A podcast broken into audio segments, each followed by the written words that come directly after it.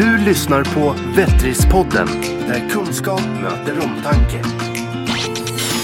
Vettrispodden presenteras av Royal Canin. Hej och välkommen till Vettrispodden. Det här är en podcast där du får följa med oss bakom kulisserna i vårt dagliga arbete på våra Vettriskliniker. Jag som pratar heter Helene Löfberg och är ansvarig för Vettris i Sverige. I dagens avsnitt så ska vi prata om den moderna djurägaren. Hur lever vi med våra djur idag? Och faktiskt, vart tog alla veterinärer vägen? Det kan låta lite konstigt men eh, eh, så är det lite grann idag. Vi eh, har jättemycket djur och vi saknar en väldans massa veterinärer och eh, eller personal inom djursjukvården. Eh, med mig idag har jag Johanna, klinikchef från Vettris i Nyköping. Hej hej! Och Madde från Royal Canin. Hejsan! Kul att få komma hit igen. Ja, vi har ju suttit och pratat lite grann här eh, innan och konstaterade att bara vi tillsammans har ganska många djur. Madde, vad, vad har du hemma på gården? Ja, jag, jag är ju lite av en djurnörd så jag har två hundar, en katt, jag har en häst om det gills för den bor hos min granne. Men sen har jag också fem kaniner och fyra får. Härligt! Det, det är faktiskt, har du fåren hemma? Ja, de bor hemma. Ja. De bor i mitt lilla fårstall. Ja, de är mina markvårdare. Johanna? Gräsklipparna alltså? Ja, jo, Oh, men wow. ibland så klipper de gräset också när, när man inte orkar ta fram gräsklipparen. är det jättebra. Det blir väldigt fint då. Ja, de, man får ju lite gödning också så det är ju toppen. Kan hundarna springa där och äta fårbajsar sen. Nej men ärligt, jag, jag brukar ta ut dem på gräsmattan ibland när de Ja, När det känns som att betet börjar ta slut i hagen och jag inte orkar klippa gräset. Varför ska inte de äta upp min gräsmatta? Det är supersmart. Perfekt. Ja. Va, Och Johanna? Men jag har två hundar och en katt. Och också en häst hos grannen. Eh, och sen skulle jag vilja ha jättemånga fler djur fast jag har ju också en sambo. Han vill ju inte riktigt gärna ha fler djur då. Jag har ju köpstopp. Fast nej, Kan jag man har, få köpstopp? Ja, tänker, kan fast man jag ha för har ju nästan djur? övertalat, eller jag får köpa en tax har han sagt. Så att jag tänker att det kanske jag måste göra också. Passa på. Du får, Ja. Vet du, min, jag kanske ska tillägga, jag, har två hundar som Mm. bor hemma. Jag har faktiskt en hund som har flyttat hem till min svärmor. Eller hon, Ja, hon, har, hon har valt att flytta hem till min svärmor för att Mm. hon, eh, eh, hon blir lite mer bortskämd där än hos mig. Hon har en egen plats vid matbordet där hon sitter och jag är helt säker på att hon också får en tallrik när de äter. Eh, aldrig när jag är där men, men man kan ju ibland se på hundens beteende vad de har för vanor. Eh, och sen en liten eh, ponny till mina barn. Eh, så det har vi. Men jag, min pappa, när jag gifte mig med min man så höll min pappa tal och han inledde det här talet med att säga Klas, det handlar om djur. Och det är det bästa min pappa har sagt någonsin. För det kan jag alltid säga till min man. När jag vill ha fler djur nu så kan jag säga att men du vet ju det. Du fick ju höra det från början. Det handlar om djur. Ja, det är det. Ja. Så du Gud, kanske kan vi har ju inte gift oss det. än så jag Nej, tänker men- att när vi gifter oss då kommer jag, så jag tänker kommer jag, att då hålla kommer tal. du och håller tal. Ja. Och då säger du det så här, Daniel det handlar om djur. Exakt. Och då För säger sen han är, så här, allt, sen "Den är är all, liv." allt är utstakat sen. Ja, det är, det är perfekt. perfekt. Jag har världens bästa pappa. Ja. Men man blir ju gladare med djur, tänker jag. Ja, och om man inte hade djur eh, så skulle man kanske inte jobba med djur. Så Nej. heller, som vi alla gör. Sen kan man ju för sig i våra yrken ha en tendens att samla på sig lite Ja, också. Eh, Sådana som kommer in och, och det handlar ju mest om katter kanske. Som kommer in och Vi har ju enbart katt för att det skulle vara en musjägare hemma. För att vi hade så himla mycket möss på landet där vi bor. Och vi hade Anticimex ute och de bara tittade på oss och sa så här, men herregud, ni bor på landet i Sörmland, ni måste ju ha en katt. Ja, då skaffade vi en katt och han har så vuxit på mig. Jag är jättemycket hundmänniska. Men jag har så blivit katt. Alltså han är så ball. Ehm, det är ju lite så att hundar har ägare och katter har personal. Så hela familjen dansar ju runt honom liksom. Så är det ju. Ja. Ehm, men eh, så att, ja. Mm. Skulle kunna ha en till katt också kanske. Ja. Det, är Ja. så, det märker man ju inte. Nej. Om, för den, Ja, köp en med samma färg så jag kan du alltid säga att så bara, nej men det där är tiger ska jag säga då. Ja. Ja, ja, den är... Nej, jag började faktiskt med, med katter. Jag tjatade ju, om, eller jag fick en kanin när jag bodde hemma och så. Men, men sen när jag flyttade hemifrån så var det så nej, katt. Så jag, är- jag är i grunden en kattmänniska faktiskt. Du är katt. Ja, precis. Jag hade två då, men eh, nu har jag bara en kvar. Eh, så, som har hängt med sen jag flyttade hemifrån. Wow. Ja, Hur gammal är den nu? ja den, är, den är 12. 12. Ja. vet inte vad det säger om, om mig och min ålder, men ja. Hon, hon, eh, Du flyttade hemifrån då när du var... Nej. ja, precis. Jag var 20 år gammal när jag Ja, flyttade det är hemifrån. väl helt Ja. rimligt. Ja. Eh, nej, så, så jag är i grunden en kattmänniska och det är faktiskt min man som tjatade till sig kors i taket eh, den första hunden. Då. Eh, även om jag självklart också har tjatat om hund sedan jag bodde hemma. Men kände sen då när jag hade möjlighet att bestämma själv att jag fick lite kalla fötter. För jag, jag får lite så här prestationsångest och gud då ska hunden vara lydig och göra som man säger. Och jag är ju ingen hundmänniska, jag vet inte hur man lär en hund tricks eller att bli lydig. Så jag, jag fick lite prestationsångest faktiskt. Men eh, så var man ju runt, pratade med uppfödare, pratade med kollegor och vänner som har hund och ja men liksom satte sig in lite mer vad är det som det innebär och vilken ras skulle vi ha i så fall och eh, liksom tog det från där. Och eh, till slut sen då så tog vi steget. Men det var inte jättelång tid sen faktiskt tills vi tog steget igen då och skaffade en lilla syster till henne. Så nu har vi fler hundar än katter. Men är det inte lite så också att det är det som är liksom det essentiella att man egentligen ska fundera sådär som du gjorde att man ska tänka till lite såhär Ja. vad, med hund då speciellt, alltså katt är ju lite, ja, ja, man ska väl tänka till med katt också men katt är ju lite mer självgående så men hund är ju verkligen så här, vad ska jag ha den till, hur, Ja men den måste hur funkar det i vår fungera. familj, Ja. hur, Och den ska ju fungera i samhället också, det här med Ja. hundmöten. Ja. Mm. Och den ska ju vara med på ett helt annat sätt. Katten ska ju bara fungera, eller bara, men den, den, ska, den är ju hemma mestadels. ja.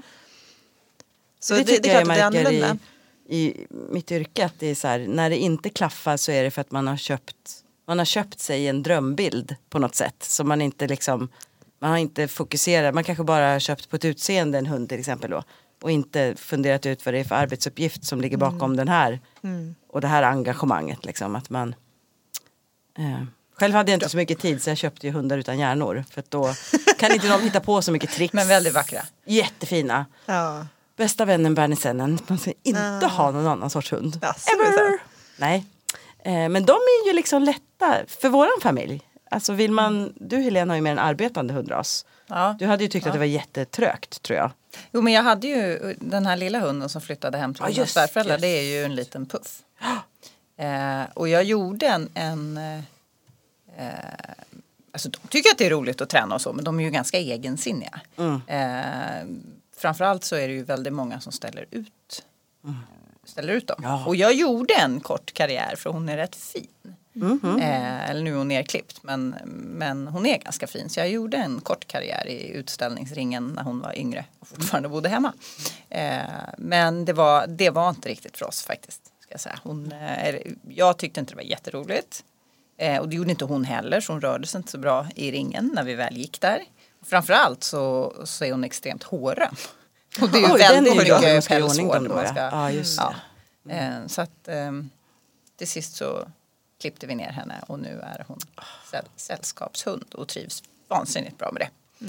Eh, Ja, men man Så måste det ju passar liksom henne se bra, men- deras behov. Så ju. Ja verkligen och då det, det ska jag säga, hon, köpet av henne blev väl kanske lite av, eh, hon är en fantastiskt gullig hund så ni får väl missförstå mig rätt om jag säger att det var ett misstag. Men, men syftet med henne blev inte riktigt eh, vad jag hade tänkt. För då, vi har ju två barn och de var lite mindre på den tiden när vi skaffade henne. Och jag har alltid haft större hundar och tänkt att men det är roligt med en lite mindre storlek just för barnen. Så att de också ska kunna gå ut och promenera och så. här. Men det, hon tyckte aldrig att det där var särskilt roligt så hela poängen följer med, med det. Typiskt tråkigt när det händer. Typiskt tråkigt Ja. när det händer men hon är väldigt glad med sitt liv och det är även mina svärföräldrar. Så det blev bra Eh, ändå. Ja, så det blev bra ändå. Så nu har jag två stycken Kleine Münsterländer som bor hemma. Som jag jagar med och tränar med. Åker på lite jaktprov. i. Ja men jag Tyskland. tänker liksom en sån hund skulle ju inte må bra i en, i en miljö där den inte fick arbeta. Nej. För jag, jag tycker ofta att man får frågor dels på jobbet när man jobbar med djurägare men dels när jag som är uppfödare också valpköpare som frågar att så här, hur oh, kan man bo i en lägenhet och ha en sån här hund då till exempel. Men det beror ju helt på tänker jag vad man gör vad man gör men det är väl klart att man kan bo i en lägenhet. Absolut, men den måste men ju då måste du- aktiveras utanför sin lägenhet. Samma som man kan ju ha en Bernie i lägenheten. Kommer ju bara ligga i en duschkabin och sova där det finns klinkers på golvet. Men den måste ju få gå ut och gå och den kanske inte mår jättebra av att få gå en lång promenad eller gå till Brukshundsklubben bredvid och bara träna. Den kanske faktiskt den, den kan ju leva så men i sitt yttersta är det ju liksom en vaktande gårdshund så den mår ju klart kanske lite bättre av att få strosa runt på landet på en gård. Liksom. Så. Mm, mm. Samma som att dina inte, visst kan man ha en sån och vandra runt i villaområdet men den kanske behöver få arbeta lite mer då och använda Ja, skallen på ett annat absolut. sätt. Ja. Det, det behöver de definitivt. Sen är det ju just om man tittar på Kleine Münsterland där jag tror, eh, eller ja, de flesta som köper den rasen och framförallt de som föder upp den är ju ganska noga med att de faktiskt hamnar i arbetande hem Mm. och hos jägare. Men jag tror det finns ganska många raser som är lite luringar också. För de är ju ganska lika en springer spaniel till exempel. Ja, Eh, och det är ju visserligen och också en arbetande hund men de är väldigt gulliga. Liksom, Ja så. Mm. precis, de är, men de är ju helt olika i psyket. Mm.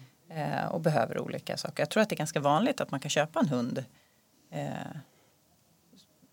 ja, man, man köper en ulv i fårakläder eller något. Man vet Mm. inte riktigt vad det är för mentalitet man köper. Nej och sen kan det ju alltid bli att det inte blir det man hade tänkt sig. För det vet man ju aldrig hundra procent. Men man, man kan ju alltid ha en plan att så här, det borde bli så här och blir det på värsta sätt så är det för att jag inte har gjort den inte har fått göra det den borde få göra. Liksom. Precis, att då ligger ansvaret på mig att jag inte har. Ja, det är ju lite svårt också att stoppa in kanske en husky i en etta i Hökarängen liksom.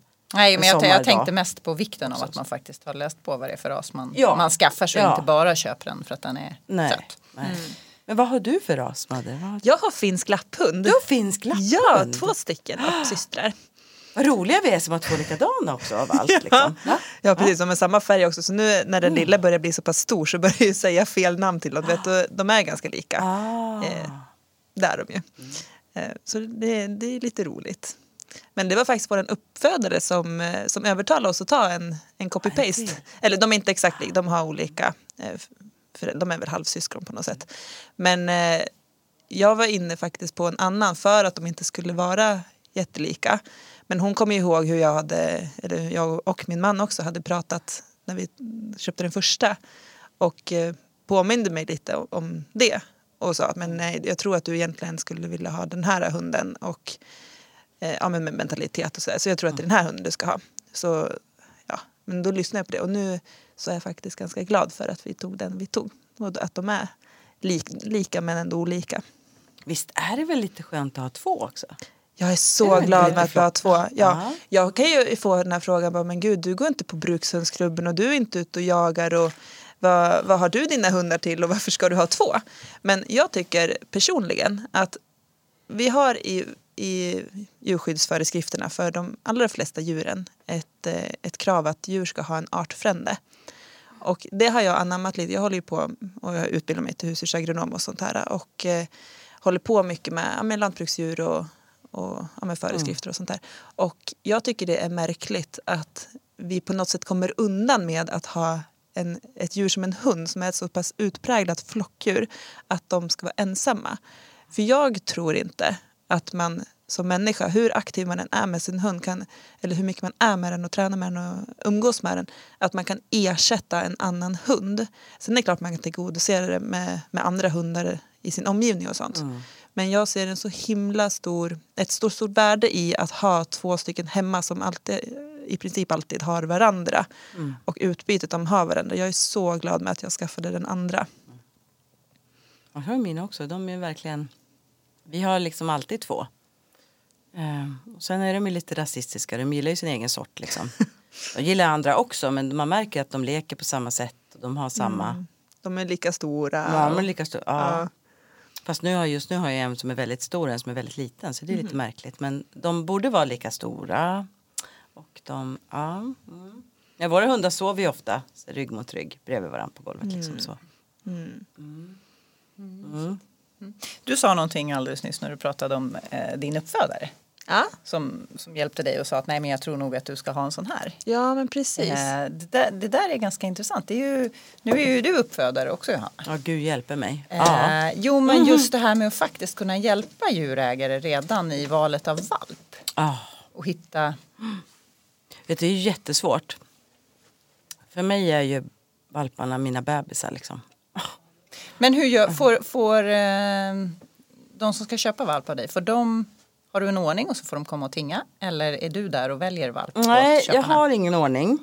Jag har ingen ordning. Jag har ingen ordning, det lät ju bra. Jag har ingen ordning alls faktiskt. Nej men jag har en, en lista där alla får skriva upp sig. Alla intressenter. Och sen så säger jag till dem så här, det finns ingen så här nummer ett, nummer fem, nummer tre. Utan jag väljer på magkänsla hur jag känner. Och då är det åt andra hållet också. Att om de känner att så här, nej det här känns inget bra och här vill inte jag köpa av och det här. Då har man också rätt att säga det. Och jag tror att man måste vara ganska tydlig.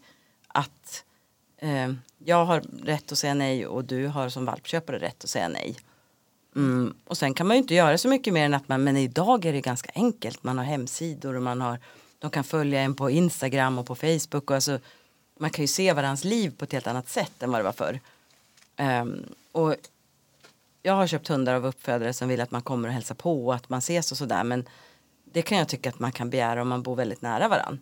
Men har man liksom 70 mil, då kräver, jag sålde en valp sist till Skåne liksom, och jag känner att den familjen var så himla bra, bäst i världen.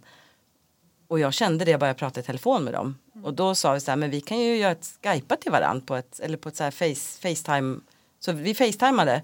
Och de visade så här, här bor vi och här är huset och här ska han sova, här är hans plats och så här är våran bil och så här. Alltså jag har ju redan sett hur de bor liksom och pratar med dem jättemycket i telefonen och de har sett hur vi bor och jag liksom, de har sett valparna från, alltså det var och när de kom så var det också på, på de premisserna att så här, nu åker ju ni 70 mil från Skåne och känner jag att ni inte känns bra då säger jag nej. Mm. Ja absolut sa de. Och vice versa, ni får säga nej. Ja. Men de var så rätt, bäst i världen. Och han har det så bra. Ja. Mm, Det är så skönt. synd att det är ända bort i Skåne så jag aldrig får pussa på honom. Men annars så är det Eller så det- kan du se det som en anledning att åka till Skåne. Ja, det också. Mm. Eh, Så jag ska nog göra en Skånetour då för att hälsa på honom. Men, ehm, nej, men jag tror att man, det där gör man ju lite som man vill. En del har ju verkligen så här en lista och nummer ett och en del och såna här riktiga gamla gemetuppfödare. De har ju så här, jag har valpköpare som har handlat 18 valpar av mig. Det har ju liksom inte jag än. Så, att, så kan man också ha. Någon favorit eller någon som är Som kommer tillbaka. Mm. Men det där men man ska ju vara medveten om att man som valpköpare har ju ganska stor rätt att ställa alla frågor och det ska man ju göra och så jämföra och åka om det nu är en uppfödare som liksom ställer ut eller tävlar eller så på andra ställen med sin hund åk och träffa dem då så kan du träffa tiken kanske på plats utanför hemmet och så här hur är den där då eller eller kan man mötas upp även om det inte är tävlings eller träningstillfälle att så här Jaha, ska ni till Göteborg? Kanske vi kan Ja men jag vet inte så kan man så här få en uppfattning om hur, hur hunden är liksom. Mm. Mamma hund eller pappa hund. Eller Men precis, och även kanske ja, men i hemmiljön komma och hälsa på och Ja. verkligen få träffa föräldrarna. Ja, Ja. om man nu har båda hemma. Ja, oftast har man ju en. Men, Mm. ja. Jag hade förmånen att få träffa båda faktiskt. ja men det är jättebra. Ja, jag tyckte det var jätteskönt. Mm. Mm. Men det är inte samma. Jag märker för 20 år sedan då var det ju mer då hade man inte samma chans att, att se alla på det sättet man kan idag heller med sociala medier och så. Så då, då var det lite viktigare. Då åkte man verkligen hem till uppfödarna och var så här, Mm. presenterade sig. Och, Nej, det är helt sant. ja. Nej, men det har hänt, det har hänt väldigt mycket med, med eh, djur och hur vi, hur vi lever med dem och, och hur vi har dem och även eh, rent eh, tekniskt faktiskt vilka möjligheter som finns som du säger och, och se mer och sådär. Men jag tänker du Madde, du är ute och träffar ganska mycket folk i ditt jobb. Eh, djurägare, kliniker förstås också men jag tänker ut på mässor och sånt där träffar du kanske ganska mycket djurägare. Ja. Hur upplever du skillnaden på dagens djurägare och hur vi lever med våra djur? Känner du att du gör du det när du är ute? Alltså jag får erkänna att så länge har jag ju inte jobbat i det här jobbet att jag kan se liksom skillnaden på tio år eller någonting sånt där. Eh, så jag vet inte riktigt vad jag ska jämföra med. Nej, nej jag förstår. Nej. Jag, har, jag kan tycka så att jag, jag vill inte avbryta men nu gjorde jag det ändå. Det är okej. Mm, så gjorde jag. Men om man säger min morfar hade jakttaxar. Ehm, och han hade sina taxar fick bo inne i köket. Och det var på den då jättekonstigt. Det tyckte alla de andra gubbarna i byn var så märkligt att han hade hundarna inne i köket. Vem har det? De bor ju i hundgård liksom. Och att man nu, jag tycker jag ser i den, i den världen, liksom, även jakthundsvärlden, att så här, hundarna har blivit mer accepterade in i som en familjemedlem på något sätt. Ja. Att förut så hade man liksom hund Som ett för redskap. ja, för ett syfte. Ja. Och även det sen, jag vet när vi hade en labbe när jag växte upp för, för 30 år sedan, liksom, vår första labrador hemma. Den fick ju inte gå upp på övervåningen för där var det heltäckningsmatta. Och det var så här självklart hela familjen. Vi hade ju vårt tv-rum på övervåningen. Alla gick upp på kvällen och kollade på tv och Frej han stannade en våning ner för nej men det var ju och ingen tyckte det var konstigt. Ja men det är väl klart du kan inte ha hunden på övervåningen på Nej. heltäckningsmattan. Liksom. Nej, det, går ju inte. Nej. Nej. Nej. Nej. Mm. Nej, men det är helt sant. Eh, det, är det, är, en högre klass på djur Ja, jag tror högre generellt. status nu. Liksom. Ja, och Mm. lyssnar man på, på många som jobbar i branschen så är det ju så. Hundarna har klivit upp ett steg. Katterna de har liksom landat på det steget där hundarna var Mm. för ett antal år sedan. Och även kaninen börjar ju komma upp i, Ja, i visst, status i visst. samhället på ett helt nytt sätt. Det har de ju inte varit. Det är, Nej. märker man ju stor skillnad. Men jag tycker också att man märker på djurägare att, att eh, de är mer medvetna. och De är mer kunniga och det har ju säkert att göra med den tekniska utvecklingen. Information är så mycket lättare att få. Eh, erfarenheter från andra är så mycket lättare att dela. På gott och ont ska jag säga. Ja, Dr Google är inte så här superbra Ja, jämt. Dr men... Google är inte världsbäst. Ja. Men samtidigt är det ju jättekul att våra djurägare har ett stort intresse och vill lära sig och faktiskt sitter och googlar och att de, de har mycket frågor. Och det märker man när man är ute på mässor och, och öppnar hus och allt vad det är. Eh, när man träffar djurägare att i många gånger så kommer de fram och säger jag såg att du ska vara här och det är bara därför jag kommer för jag undrar detta och detta. Och då blir man ju jätteglad att man faktiskt kan hjälpa dem med någonting som de inte lyckades med på nätet eller någon annanstans. Mm, absolut. Nej. Ehm, och sen skaffar vi ju fler och fler djur. ja, jo. Man har ju en tendens. Ja. Ja, jo, vi gör det. Men, men även folk i samhället Ja, gör ju precis. det mer och mer eh, också. Det får man ju säga. Eh, Och samhället utvecklas väl lite i alla fall mot att bli mer djurvänligt. Att det är lite enklare att ta med sig sina hundar framförallt kanske. Men, men att det är mera öppet. Kattcafé läste jag om Ja. faktiskt. Nu kommer jag inte ihåg var det var någonstans. Men det är ju lite intressant. Jag funderade på hur det funkade. Faktiskt. Vi har läst om om man släpper alla där. katter lösa då gillar det? de inte tänker- Nej, Nej, det jag tror inte att det är så att man tar med sig sin katt. Jag läser något, nu minns jag inte heller exakt i vilket sammanhang. Men att där är det katter som bor där. Och Det det, det finns där. omplaceringskatter som kan bo sådär. Det kanske var så det var. Ja, och då kan man få komma och gå på café. Antingen bara socialisera för att man kanske inte kan ha katt själv eller men man vill umgås med dem. Eh, men ja, på, något ställe så kunde man också få adoptera en katt. Och, Åh, det var ju inte Ja. dumt då. nej, för generellt så vill vi ju att ja, men man ska kastrera katten och allt det här och man ska öka kattens status i samhället. Så jag tycker det här är väl en jättespännande Ja, vinkling det var, det på var det. kanske det jag läste faktiskt. ja, men kanske, det var inte jättelänge sedan jag Nej. läste om det där. Nej. Nej, men det är ju jättebra. Och även eh, eh, på ålderdomshem och sånt där så ser man ju djur är ju fantastiskt bra. Ja. De har ju Ja, en precis. helande Ja, kraft gud. på sitt eget Ja, men men man det det finns ju ju de en massa Ja. må bra-hormoner när man klappar djur. Ja men precis och det där finns det ju studier som Ja. styrker att man, man blir mer aktiv, man blir mer eh, socialt interagerande med andra. Eh, det finns massa hälsoeffekter med att ha djur. Vi hade världens bästa grej när jag bodde i Stockholm förut. Så hade vi klockan sex varje kväll på Vanadiskullen i Stockholm i innerstan så fanns det en stor hundrastgård. Eh, och där klockan sex varje kväll så träffas vi ett helt gäng. Och då gick man, oftast så var vi några som så hade först gått en lång promenad och sen så gick man dit och så släppte man hundarna lösa och så hängde de lite där. Och det var alla människor. Det var så roligt. Jag var ju någon så här singeltjej då och var så här typ 25 liksom. Och så var det ju så här, gamla farbrorn som hade en Jack Russell och så var det ett så pensionärspar och så var det några så här, bögparet som bodde där och var skittrendiga. Och så var, och så var vi som ett gäng så här kompisar, det var som en ungdomsgård, det var fantastiskt. Vi drack glögg när det var så här Lucia och vi så och vi hade, någon hade födelsedagskalas när deras hund fyllde ett år och äh, det var så roligt. Men hur hittade ni varandra? Nej, men vi bara, det vart klockan sex där. Det, Och klockan sex så var man, då var, passade det så. Så då vart det sista blev så här, klockan sex-gänget i Vanadisparken. Helt skevt, fantastiskt. Och, och den hundrastgården är lika stor som, jag skulle nog säga att den är nästan som en och en halv fotbollsplan. Och ligger i, i så här kuperat så det är inte som man släppte in dem på någon liten fyrkant. Och så fanns det två bänkar där, det var inte så här skitaktivt som hundägare. För att jag gick bara upp för en liten trappa och så hamnade jag där om jag inte gick min promenad innan. Liksom. Så man, men hundarna hängde ju och hade kul liksom. Det var fantastiskt. Och då tänker jag så här, vilket kontakt. Alltså för den här du- stackars pensionärsfarbrorn och så som alltid Ja. var själv annars och så. Ja, och för den hunden som aldrig träffar andra hundar om man inte Ja. kommer till sånt där sammanhang. Jag måste nästan åka dit nu känner jag igen. Ja, du Kolla om det är någon kvar där klockan Ja. sex. Du får skicka en hälsning till dem. Ja, ska jag göra. Klockan sex-gänget, Vanadisparken. Åh, jag hade en jätteelak bernesennen. Såklart. Som hette Ruff. Men han var ju snäll mot andra hundar, han var bara dum mot folk han. Ja, Mhm. Så de kanske minns dig då.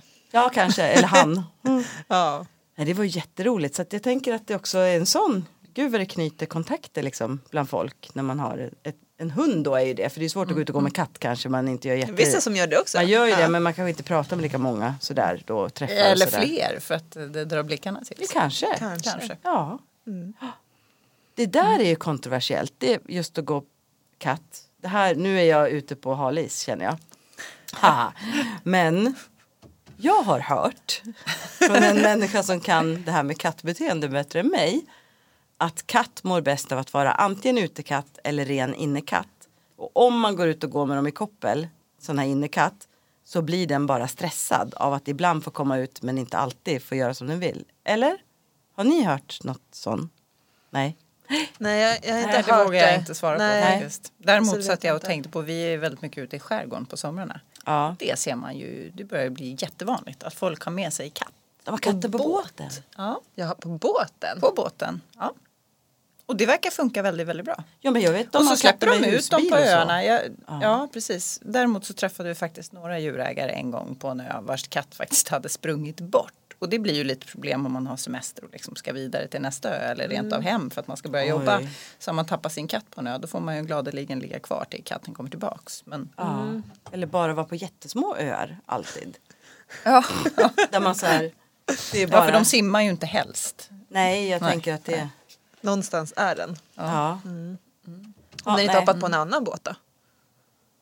Ja, nej, precis. Nej, jag vet det. Jag tror att de fick tillbaka sin katt. Ja, vilken tur. Men jag tänkte på det där, att det var jobbigt. Då kom du där och släppte lös dina två Münsterländers. Nej, vi har, Väldigt inte, vi har faktiskt inte med dem ute i skärgården. Vi har inte haft en i alla fall. Nej. Nej. För det ser man också mycket Ja, det är båtfolk med hund med. Jättevanligt. Mm. Mm. Det är det. Och det är väl både och. Jag kan ju sakna dem. För det är mysigt när man kommer i land och liksom gå och utforska. Och då hade jag gärna haft dem med. Men det är också ganska bekvämt att inte ha dem med på, Ja. på båten. Och, och Tänk de med blir- rastningar och... Rastningar precis. Och vi är i segelbåt så ibland vet man ju inte hur långt det tar innan man är på nästa ö. Inte så de går på låda direkt liksom. Nej, inte riktigt. Man kanske hade kunnat lära dem. Men jag tror Den att där det... är ju också lite så, så här, ska man ta med sitt husdjur när man reser då? Liksom så. Vad tycker ni? Hur? Ja, alltså det beror ju på på vilket sätt man vill resa och vad man ska göra när man är borta. Ska man göra, men typ som om man åker och vandrar, är hunden i form för det och orkar den det kan det vara trevligt att ha den med. Eller ska man åka på nå, någon semester där det helt enkelt inte passar för, för hunden eller katten att, att vara med. Så jag tycker absolut att man ska fundera på vad får mitt djur ut av att följa med? Är det bara för min skull jag ska ta med den eller är det för att den faktiskt har utbyte av det själv också? Eller kommer den ha det bättre hos en, en hund eller kattfakt? Ja, men exakt den jag funderar på, så här, vad får mitt djur ut av det? Att det är så Ja. lite det som är den essentiella kanske, att man ska tänka. Ja, och det tror jag många gånger att man inte tänker. Nej men exakt. det kan vara så att vi är Jag ute på tänker- halis allihopa nu men, Ja, jag- men om vi nu ändå, ja, Ändå är där eh, ute och- Om vi ändå är där ute och halkar så, så kan vi ju ta det. Nej men jag, jag tror det, det handlar väl också om det här med vi har varit inne på det många gånger att man ibland förmänskligar sitt djur kanske lite, och lite kanske mycket inte- och de, det är klart att de trivs att följa med men jag vet många flyger ju med sin hund. Mm. Eh, personligen, om jag bara går ut går från mig själv så skulle jag inte göra det om jag inte absolut var tvungen. Nej, om man inte flyttade utomlands. Nej men, nej, men precis, om man inte ju- flyttade utomlands eller eh, ja, inte vet jag. Mm. Eh, tvungen helt enkelt. Annars så känner jag inte jag har någon lust att sätta min hund i en transportbur i, i lastutrymmet på ett flygplan för att jag ska till Spanien på semester en vecka. Nej. Mm. Eh, Men jag tänker man kanske gör det liksom av, eh, av vana eller att man inte reflek- reflekterar över utan att det är, hunden är alltid med mig, varför skulle den inte få följa med på semestern? Men just att komma ihåg då att vad, vad får min hund eller min katt ut av att faktiskt följa med? Ja, Och det är en vilka jättebra poäng. parasiter kommer den hem med sen? Ja, det är också. Nej, men det är ju en risk. Och man kanske behöver sätt. vaccinera innan eller se över det praktiska. Mm. Ja, jag tänker inte så här jätteofta flyga med två bernisenner i lastutrymmet känner jag. Nej, Rent spontant nej. att jag tror att jag, nej. Nej, Nej. nej. Vi Nej. hoppar den. Jag tänker heller inte ta med dem på segelbåten. Det finns säkert de som gör det och det går jättebra. Absolut, det Men jag jättebra. är lite på din linje, så här, gud vilket bök liksom, med två kolosser ombord som ska så här, vara blöta och bada. Och, ja. Mm. Jag hade faktiskt med mig, jag hade en labrador eh, förut som jag hade med mig på segelbåt. Det var ju mysigt, funkade jättebra i och för sig. Mm. Och sen så satt jag i sittbrunnen en dag och så seglade vi över en fjärd och så helt plötsligt så tittar upp ett huvud bakom akterspegeln på båten. Och min spontana liksom så här, hon har ramlat i! Ja. Det hade hon inte för hon låg ju på mina fötter. Då var det en säl som tittade upp. säl. Men labradorer är ju lite Ja, sällika huvudet när de såklart. blöta sig. Men, eh, Så då det tog du upp sälen och tog med den hem nej, också. det- Välkommen. Det gjorde Nej. jag inte. Jag var glad att labradoren inte Mm. hade ramlat i vattnet. Oh my. Så kan det vara. Eh, mycket djur har vi. vi. Statusen är annorlunda på våra djur. Vi lägger mycket, mycket pengar på djuren. Mycket mer pengar än förr. Eh, och då tänker jag som koppling till eh, veterinärvärlden så kan ju det här bli en utmaning. Eh, för att det skapar ju ett högre tryck på veterinärklinikerna med alla dessa djur. Eh, och då har vi ju faktiskt en svårighet som det ser ut i Sverige idag. Johanna, Ja. säger jag och tittar på dig. Jag Ja, tror du vet Helene. precis vad jag pratar om. Det, det är ju veterinärbrist. Det är det du pratar om. Och sköterskebrist. Och sköterskebrist. Ja. Och vi har ju haft, ja vi har ju haft kliniker, vi har ju kliniker där vi har i kedjan där vi inte är full. med- Just nu, så är det, just nu har vi nog faktiskt lyckats lyckats. Ja. öka på lite mer. Men, eh, och jag vet inte om det eh, börjar släppa i samhället. Alltså om det börjar släppa generellt. Att det, Nej. att det börjar komma ut fler som är färdiga. Eller om det bara är så att vi har haft tur och hittat Ja, den personalen vi vill ha. Det vet jag inte. Men det är jättesvårt. Vi pratade om det där. Eh, ja, vi har diskuterat mycket det här på jobbet och runt om och sådär. Att man dels att det blir så sårbart när det bara allt hänger på en stackars veterinärs axlar. Att det blir att man borde kanske lägga ut lite som en vårdcentral inom humanvården är det lite så att sköterskor får ett högre mandat. Att man kanske kan utföra fler grejer fast veterinär inte är på plats. Så att inte allt hänger på en människa liksom. Ehm, att man till exempel kan få vaccinera eller göra rent några små sår fast inte veterinären är där. Nu får man inte det idag. Utan när har man en liten klinik och en veterinär anställd till exempel och den stackaren är sjuk då får man ju stänga och så står det två sköterskor där eller tre i värsta fall och ska ha lön den dagen och gör ingenting liksom. och djurägare Och som inte djurägare. får den hjälpen de behöver. Det är det värsta. Att man ska, och då blir det att de här stackars veterinärerna nästan går in i väggen på grund av ansvaret att det allt är på dem. Liksom. Mm. Och det funkar ju inte. Man kan ju inte ha det så. Och vad är det liksom? Och vi hinner ju inte utbilda så många veterinärer så att vi liksom ligger i fas med det här. Och jag vet inte om sättet är, det kanske ska vara så att man på vissa ställen är man ett stort djursjukhus och där jobbar man på ett sätt. Och på den lilla kliniken så kanske man kan ha det mer att man absolut har veterinär och det medicinska ansvaret och allt det här. Jag menar inte att man ska tappa det men att, att jag menar om, om en för att bli en legitimerad sköterska är det också ett krav och ett ansvar och en utbildning.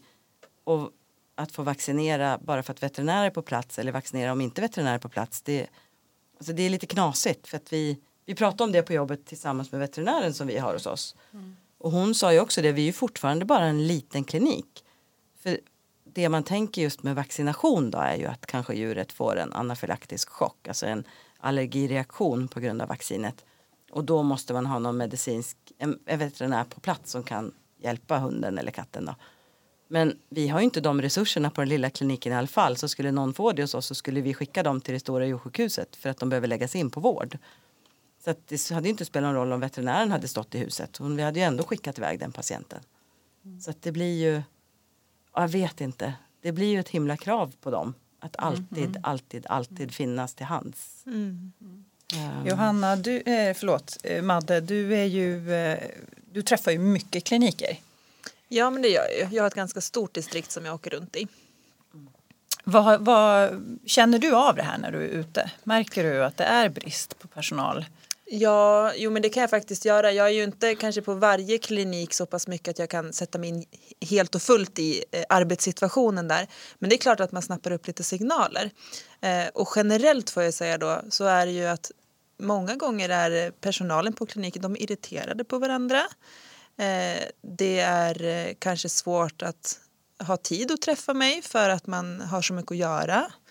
Eh, det kan vara eh, Ja, men att om, om eh, den personalen jag träffar kan vara intresserad av att jobba på ett visst sätt eller ta till sig av en viss kunskap eller så. Men att de känner sig frustrerade för att men det här kommer vi, det kommer vi aldrig lyckas få ut till resten av personalen eller till veterinärerna eller hur, hur ska vi nå de andra för de har inte, de har inte tid med det här. Eller de, eh, eh de, de kan inte komma på mötet och det, det, blir för... En, en liten, liten sak kan kännas som en jättestor sak för att det blir liksom en sak extra att lägga på sitt arbete. Även om den lilla, lilla saken skulle underlätta och spara tid så blir det som ett för stort steg för att det är så hög belastning hela tiden. Det kan jag uppleva ganska generellt på, på väldigt många ställen som jag är på. Mm. Och det skulle man ju kunna tänka sig att faktiskt eh, handlar både om att man inte är tillräckligt många på plats och jag, jag tror eh, säkerligen med undantag, men jag tror att i allra flesta fall så handlar det inte om att man är för få huvuden på plats för att man håller igen ekonomiskt. För så kan det ju vara också. Man kan ju mm. välja att vara för få huvuden på plats för att man eh, ja, helt enkelt vill spara ner på personalkostnader eller så. Eh, min upplevelse är inte att det brukar vara så utan snarare att man faktiskt kanske inte lyckas rekrytera mm. Nej, och optimalt. Också... Och sen så i, i liksom kombination med eh, att djuren blir fler och att kraven ja. från djurägarna är ja, gud, högre. Vi... Man vill göra mycket, ja. mycket mer. Och blir det en brist ja, tänker jag också att då blir det ju att det kanske inte blir optimala personalgrupper. För då Nej. blir det ju lite det här att då anställer man ju det som finns då för att det ska rulla liksom. Och det kanske inte blir i just den konstellationen. Sen kan de människorna funka jättebra i andra konstellationer. Mm. Så att, men att man då så här, det blir fel liksom hela. Ja, men. Eh, ja, jag vet inte, vad har du någon idé Helene? Du jobbar stort djursjukhus och sådär på UDS och så hur man. Där utbildar ni ju alla liksom. Mm. Ja, där ute, fördelen skulle jag väl säga eh, där, det är ju att det är just att utbildningarna, både djursjukskötar och ja. veterinärutbildningen ligger där. Eh, sen ska man inte hänga upp allting på vikarier, men till skillnad från väldigt många andra ställen i Sverige så har man ju faktiskt en vikarietillgång där. Ja. Eh, för många, de får ju jobba eh, under utbildningen, sen beroende på hur långt in i utbildningen de är så får de göra olika saker, men de får ju faktiskt jobba framförallt som sköterskor under ja. utbildningen. Och i och med att de bosätter sig i Uppsala så är det ofta där många vill jobba extra. Så, ja, så där är det ju. Men eh, om man tittar generellt på större ställen så eh, och det har vi varit inne på tidigare också. Men då är det ju det är ju svårt eh, för att du ska hålla öppet dygnet runt. Mm. På de, på de liksom allra största ställena. Och du ska ha en vårdavdelning, intensivvårdsavdelning och där ska djuren ha helst någon som tittar på dem hela natten. Eh, akutmottagning, du ska kunna operera på nätterna. Menar, det kräver många huvuden. Mm. Eh, och det gör ju att eh, ja, i allra värsta fall så blir ju vården lidande också men framför allt så får ju de här människorna som jobbar de sliter ju, de gör ju allt de kan mm. eh, för att liksom ta hand om de här djuren på, av allra allra bästa förmåga men det kostar ju på. Eh, så så är det ju och det har vi också sett på många ställen att till sist så når man en gräns. Det går inte. Personalen kan inte uträtta alla de här Nej. sakerna. Eh, Man sliter jättehårt på personalen eller man riskerar vården för patienterna och då stänger ju akutmottagningarna. Mm. Eh, och jag menar, i värsta fall så stänger alla akutmottagningar samtidigt för att det råkar vara en epidemi av influensa bland personalen samtidigt som man från början var för få. Eh, och då har man som djurägare ingenstans att ta vägen när djuret blir sjukt eh, på natten. Och det blir ju så knasigt och det är samma som med det här äh, med eh, för inom djursjukvården så är det så att man har veterinärer och man har legitimerade sköterskor och man har djurvårdare. Och det går ju i som ett led att man är läkare och som en sjuksköterska och som en undersköterska kan man ju säga lite Ja, grann. ja. Ehm, och för att bli en legitimerad sköterska så krävs det ju tre års utbildning på universitetet då. Men det har ju varit en övergångsregel där eftersom det var en sån otrolig brist. Och det har man ju i Sverige jobbat med mycket nu att så här, fram och tillbaka och man har tappat massa kompetens med folk som har jobbat med det här väldigt länge men som inte får utföra sina sysslor längre efter att det blev ett legitimationskrav. Många Ehm, valde att byta eh, riktning faktiskt. ja, också. så Jag vet också. jättemånga som även de, de fick ta legitimationen på övergångsregler. Ja. Men, och det var ju inte, det var inte helt lätt. Det var ju en del. Nej, nej, ja, det var ju ja. massa praktiska moment och man skulle Mm. ha arbetat ett visst antal år. Och, och eh, ett teoretiskt prov som var ganska omfattande. Och jag vet att det var många som, som kände att eh, ska, ska jag plugga det här då vill jag hellre plugga någonting annat. Så att de bytte riktning helt. Några blev veterinärer istället och, och sådär. Men, Då tappade man ju lite folk där också. Tänk. För där är ju också en brist att man när det, speciellt när det gäller narkos på djursjukhus så är det så att man kräver en viss kompetens för det. Och även om man har veterinär på plats så kanske man inte har en narkossköterska och då står operationsavdelningen still i alla fall då. Mm. Så den bristen är också, nu har man ju försökt fylla den igen då med nya övergångsregler så att man, man har fler nu igen som kan, men den regeln är ju till 2023. Sen vet man ju inte vad som händer. Då kan ju bli igen då att det blir ett gäng som inte som har stått där i sex år och skött narkoser som inte får göra det längre igen då. I värsta fall. Mm. Ehm, men ja. Men det, däremot så kan jag tänka, det är ju lite svårt också att sätta fingret på kan jag tycka. För som vi har pratat om, jag menar, djuren blir fler och kraven önskar och eh, ökar. Eh, men är det så att det är behovet som har blivit så stort av eh, djursjukvårdpersonal, alltså behovet gentemot djurägarna. Eller har, eh, om vi tittar på framförallt veterinärer, har veterinärantalet ute i det kliniska arbetet minskat? Det Är du med på hur inte jag tänker? Ja, Det är jag lite svårt att sätta- på det eller hur det är. Jag har faktiskt ingen Ehm. aning. För det, det jag däremot har tyckt mig sett, det här ja, är också sån där grej som jag hörde. För, för några år sedan så hade de ju på SLU intaget på veterinärlinjen var intervjubaserat. Men det kostar ganska mycket pengar.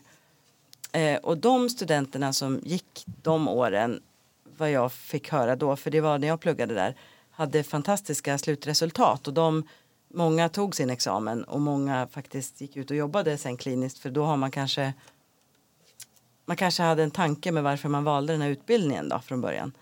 Men när man bara plockar in på liksom studieresultat så vet jag inte om man riktigt vet vad det är man ger sig in i alla gånger heller. Och då kanske man inte vill ut bland, för man hamnar ju liksom bland människor. Man jobbar ju inte bara kliniskt med djur på en klinik utan man jobbar ju mycket med djurägare. Precis, jag kan tänka mig att det är minst lika mycket människohantering Ja. som det är djurhantering. Ja, ja.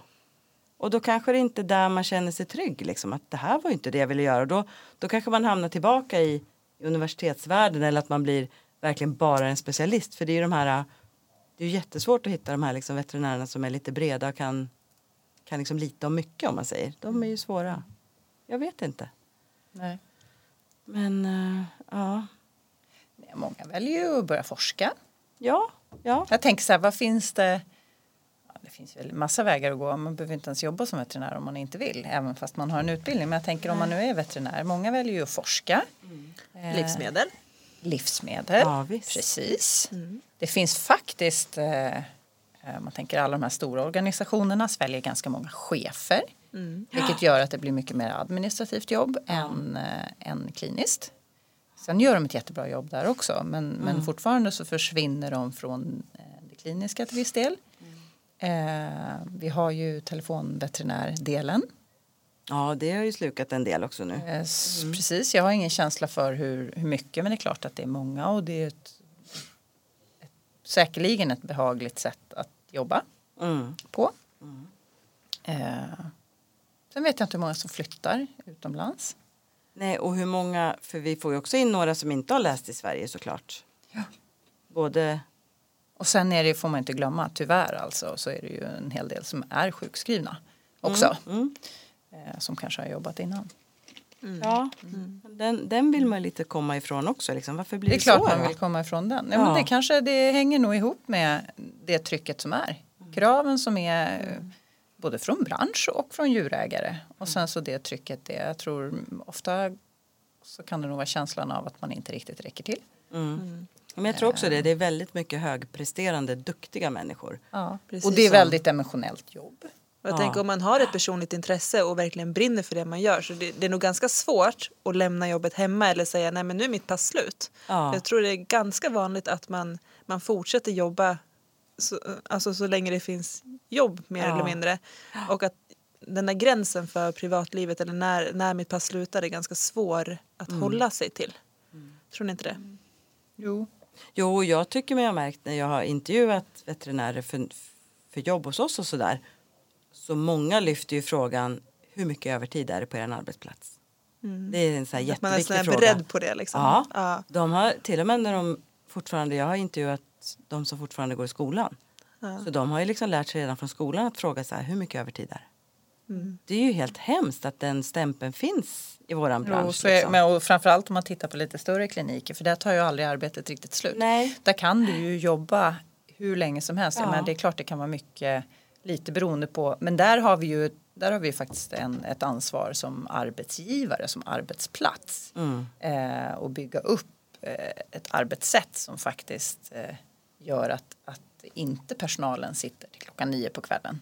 Nej. För jag menar som, som ni, ni stänger ju klockan fem. Vi stänger fem. ja. Då får man ju se till att lägga upp rutinerna runt omkring det så att personalen ska kunna gå hem. Sen är det klart det händer alltid undantag. Men, men det har man ju ett ansvar eh, att göra. Eh, nej men då är det ju svårare på stora djursjukhus. För där kommer djuren, där försvinner de ju inte när klockan blir fem. De slutar ju inte komma in utan intaget är ju konstant. Eh, och då kanske det är så att om du avslutar ditt skift vid fem och sen så ska det vara två nya veterinärer säger vi som ska gå kvällsskiftet och så är de inte där eller det är bara en där. Då vill du inte lämna din kollega i sticket och så stannar du kvar. Eh, så då, där tror jag att det är mycket, mycket svårare att Ja, eller de här som jobbar ute på distriktet också. Ja, Det är det är veterinärerna precis. som är Där har jag jour. mindre erfarenhet ska jag säga. Oh men absolut. Och det ringer och ringer och ringer. Och när ska de sätta stopp? Och där har ju folk börjat, för det är de som finns som svarar i telefonen. För då har man ju förstått, nu ska inte jag kanske droppa den då, men folk har ju förstått att man kan ju ringa dit dygnet runt och fråga om sina djur. Mm. Oj, Mm. nu sa du så ja. Nu, nu sa du Ja, så, det ja, precis. så. Nej. Ja, nej, men det är, de är ju statliga så de har ju ett ansvar att vara tillgängliga Ja. alltid. Varje dag. Alltid. Nej men jag tror eh, om man nu får tänka att man ska försöka hitta på en, en lösning på hela Sveriges problem. Det kan man ju inte men jag tror Lös verkligen det, att det är väldigt... Lös det jag löser det. Ja, Eh, perfekt. det blir mitt nästa jobb. Eh, nej men jag tror man behöver ju verkligen se över och det är klart att det sitter folk och jobbar med det men, men jag tror att det är mer bråttom än det finns inte så mycket tid tror jag. Man behöver se över eh, just eh, antal utbildningsplatser. Det kanske är så att de är tillräckligt många men, men vilka människor är det som går utbildningarna då? Är det sådana som vill jobba som veterinärer eller, eller försvinner hälften någon annanstans? Jag har ingen Och hur många statistik tar sig där. hela vägen igenom också. Och ja, det är med precis. Men jag har ingen statistik på. Men vi behöver ju få fler eh, personal ut i det kliniska arbetet. Och sen, sen har vi ju som arbetsgivare, vi, det är väl egentligen det. Ja, och så framförallt också arbetssätt. Det har du varit inne på Johanna. Kan vi arbeta på annat sätt för att ändå få jobbet gjort? Eh, För någonstans med vem där som gör vad. Ja. Precis. Ja. Eh, vi måste lösa det för djuren så de får den vården Mm. de behöver. Och också, det är väl som arbetsgivare. Och bygga upp för att få personalen att må bättre. Det kommer ju inte skapa fler. Ja, har man en bra arbetsplats så kanske man lockar fler personal. Men, men eh, som helhet i Sverige så gör ju inte det att det blir fler. Men, men verkligen som arbetsgivare se till att man har en arbetsplats som värnar om att folk har den stöttningen de behöver. Och, eh, Det är jätteviktigt att man mår bra på jobbet och att man känner att man är tillräcklig och att man har utbyte av det. Jag tror det och i, i teamet. Har de resurserna man behöver Ja, och i samarbete med arbete. kollegor. Och Jag tror det är jätteviktigt. På alla arbetsplatser. Ja, verkligen. Absolut. absolut. Det här problemen hade vi kunnat önska att vi hade lösning på. Men Ja, det har det, vi inte. det har liksom. vi ju inte nu. Nej. Men, eh, men eh, Men vi i alla fall tankar på vad vi kan göra på våra små Mm, eller mindre eh, kliniker. Absolut. Ja, för jobba med personalvård och, och allt det här som ni har pratat om. Det, det är ju någonting som ni kan göra på era kliniker. Mm. Så där kan ni ju bidra i alla fall. Ja, och vi har ju liksom det enkla. Vi har en, där, där jag jobbar, det är liksom en sprillny liten klinik som är öppet måndag till fredag. Inga jourer, inga kvällar. Det är inte jättesvårt då. Så att vi har ju ganska gött om man jämför med de stora stressiga djursjukhusen. Våran, vårat arbetssätt är ju ganska trevligt om man jämför. Så, fast vi behöver ju vara fler också. Vi har jättemånga djur. Ja, så är det ju. Det, växa kan man göra. Kunderna finns ju och djuren Mhm, finns ju. mm. Man måste bara kunna ta emot dem. Ja. Ja. ja, med det sagt så tror jag vi sätter punkt för idag. På återhörande. Ja, tack för idag. Tack för idag. Hej då. Hej. Hej då.